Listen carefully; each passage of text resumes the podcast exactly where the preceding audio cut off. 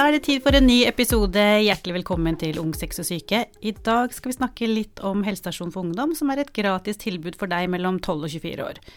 Dit kan du gå med spørsmål om alt innenfor seksuell helse, f.eks. hvis du lurer på om noe med kjønnssykdommer, prevensjon, underliv, legning med mer, eller bare vil ta en klamydia-selvtest uten å snakke med noen. Eller hvis du vil snakke med noen om din psykiske helse, f.eks. vanskelige tanker, angst, uro, stress osv. Husk at du kan komme på helsestasjon for ungdom med egentlig alt. Det finnes ingen dumme spørsmål, og når du går dit, blir du tatt på alvor. På helsestasjonen kan du snakke med helsesykepleier, jordmor, lege eller psykolog, og alle har taushetsplikt. Hvem som jobber der varierer fra helsestasjon til helsestasjon, så sjekk det opp på nettet før du drar. Det finnes helsestasjon for ungdom over hele landet, og i Oslo så finnes det en i hver bydel. Så over til dagens gjest. Velkommen til deg, Per Arthur Andersen, også kjent som helsebror. Hei, hei. Du jobber på Oslos første helsestasjon for gutter, en helsestasjon som er åpen for alle gutter i hele Oslo. Mm. Men aller først, kan du bare si kort om hva helsestasjon for gutter er? Eh, Helsestasjon for gutter er egentlig akkurat det du beskrev en helsestasjon for ungdom er. Det er et sted du kan komme og teste deg for seksuelt overfor infeksjoner, snakke med ja, helsesykepleier, psykolog, ungdomsarbeidere. Eh, komme og spørre om egentlig alt, og bli tatt på alvor. Mm, ja, for hvem er det som jobber hos dere? Hos oss er det Vi er tre helsesykepleiere. Eh, er to menn og én dame. Så har vi en mannlig lege, en mannlig psykolog, og to eh, ungdomsarbeidere som også er menn. Eh, og de eh, driver eh, et tilbud gjennom oss som er sånn treningstilbud, da. Som, hvor du kan få med deg en kontakt ned på treningssenter og trene én til én. Eller i grupper. Alt ettersom. Mm. Og hvilke tidspunkt er dere åpne? Vi er åpne hver onsdag fra tolv til syv. Ja. Mm. Eh, Hvor i Oslo er det dere holder til? Vi holder til i eh, Sørkedalsveien 10B. Det ligger på Majorstuen, inne på også kjent som Colosseum senter. Ja. Og til de som blir litt usikre hvor dette her er, så kommer Helle til å legge ut en reel om det. Mm. Ehm, ja, og hva slags ting Ja, du sa litt om hva man kan komme med til dere, men hva er det du opplever at gutter kommer med til dere? Eh, Det er veldig mange som kommer for testing, for vi eh, har et selvtesttilbud som er veldig enkelt. De kan komme og fylle ut et lite ark i en konvolutt og tisse i en kopp og gå igjen, egentlig. Eh, Men det flesteparten av guttene kommer med, psykisk helsetematikk. Mm, og, Og da er det litt samme tingene som du nettopp ramset opp. ja. Eh, For mange kan jo ha behov for å holde ting for seg selv, eller at de vil ordne opp i problemer på, på egen hånd. Eh, altså det å ikke spørre om hjelp i det hele tatt. Og det, det har jeg litt sånn inntrykk av at kanskje gjelder mer for gutter og menn enn for eh, det motsatte kjønn. Mm. Men er det sånn at vi må vi egentlig prate om alt hele tiden? Vi er blitt veldig flinke til det. Eh, og åpenheten, i hvert fall knyttet til psykisk helse, er jo blitt mye bedre. Og det er fantastisk. Mm. Men det er jo kanskje der at vi trenger ikke å snakke all, om alt som om at det har en negativ effekt, på en måte.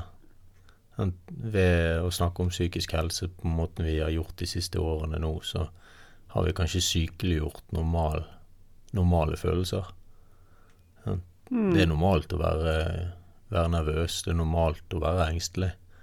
Det er normalt å skulle være litt bekymret når du skal ha tentamen, matteeksamen, eller gå over en fullsatt aula, eller ha forelesning foran klassen. Det er normalt å føle seg jævlig etter en, et, et brudd med kjæresten. Og at eh, det er på en måte Det er fint å snakke om disse tingene. Absolutt.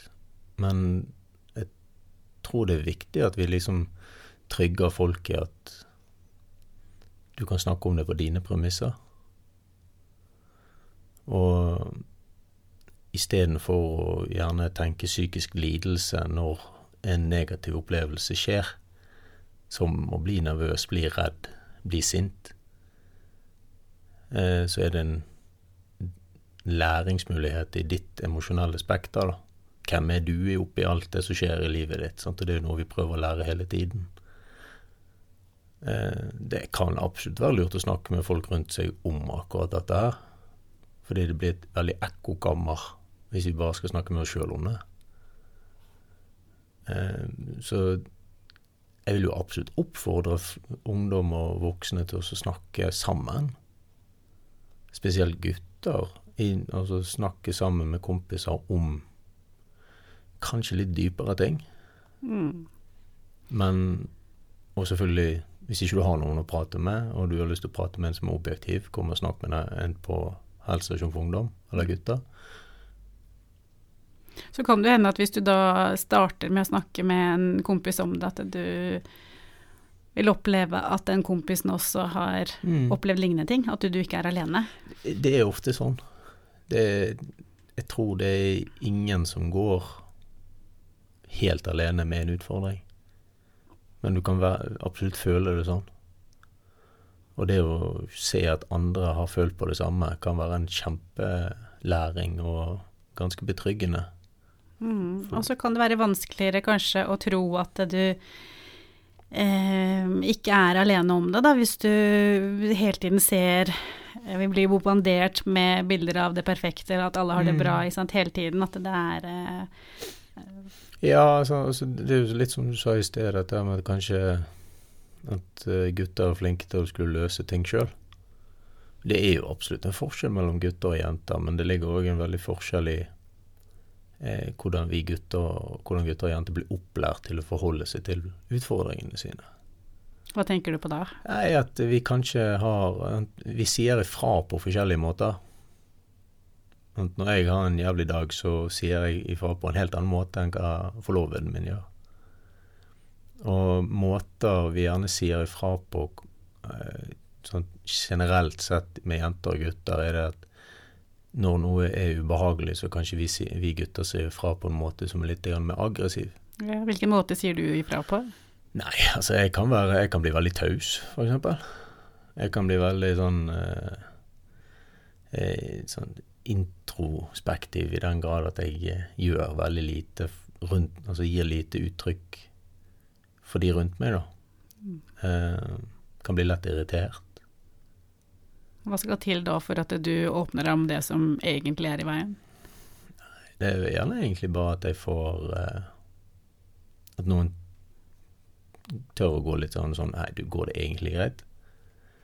Eh, men òg at jeg kanskje får litt space til å Og trygge rammer til at OK, nå kan jeg si ifra hva som er galt.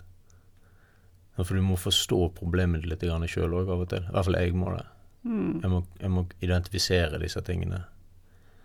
Um, men jeg tror ikke jeg var sånn da jeg var 15-16. Da var det nok mye mer eh, ja, smelling med dører. Eh, ja, være litt sånn bråkete. Mm. Og det er sånn i forhold til hvordan vi gutter og jenter gjerne møter omsorg, da. Så kan gutter i mye større grad enn jenter oppleve en korrigering av atferden sin enn hva jenter blir. På hvilken måte da? Nei, si at, at hvis du Hvis du blir misfornøyd med en resultat på en prøve, f.eks. At jeg husker jeg, Dette skjedde når jeg gikk på ungdomsskole òg. Så var det en kompis av meg som ble veldig misfornøyd med et prøveresultat. Han ble sint på læreren. Argumenterte for hvorfor det var en dårlig karakter. Han fikk jo ikke forbedret karakteren sin på det grunnlaget en jente som tok akkurat samme prøven, hun begynte å grine. Og tok til seg en mye mer sånn offerposisjon. Grunnlaget for at hun en dårlig, fikk en dårlig karakter. Og hun fikk forbedret karakteren sin. Ja, det tror jeg er en kjent problemstilling for mange som oppleves urettferdig. Ja, men utfordringen er den samme. Det er der vi har gjerne mye erfaringer for helsestasjon for gutter. Det er, det, er ingen, det, er noe, det er ikke noe som skiller skjønnet for hva man kan oppleve psykisk. Og at foreldrene skilles, kjærlighetssorg osv. vil ha samme effekt på et individ. Men hvordan man har lært seg at man kan si ifra om det, vil være forskjellig. Mm. Så når noe galt skjer med oss gutter, så er det kanskje like mye biologisk, men også kulturelt betinget hvordan vi reagerer på det. Mm.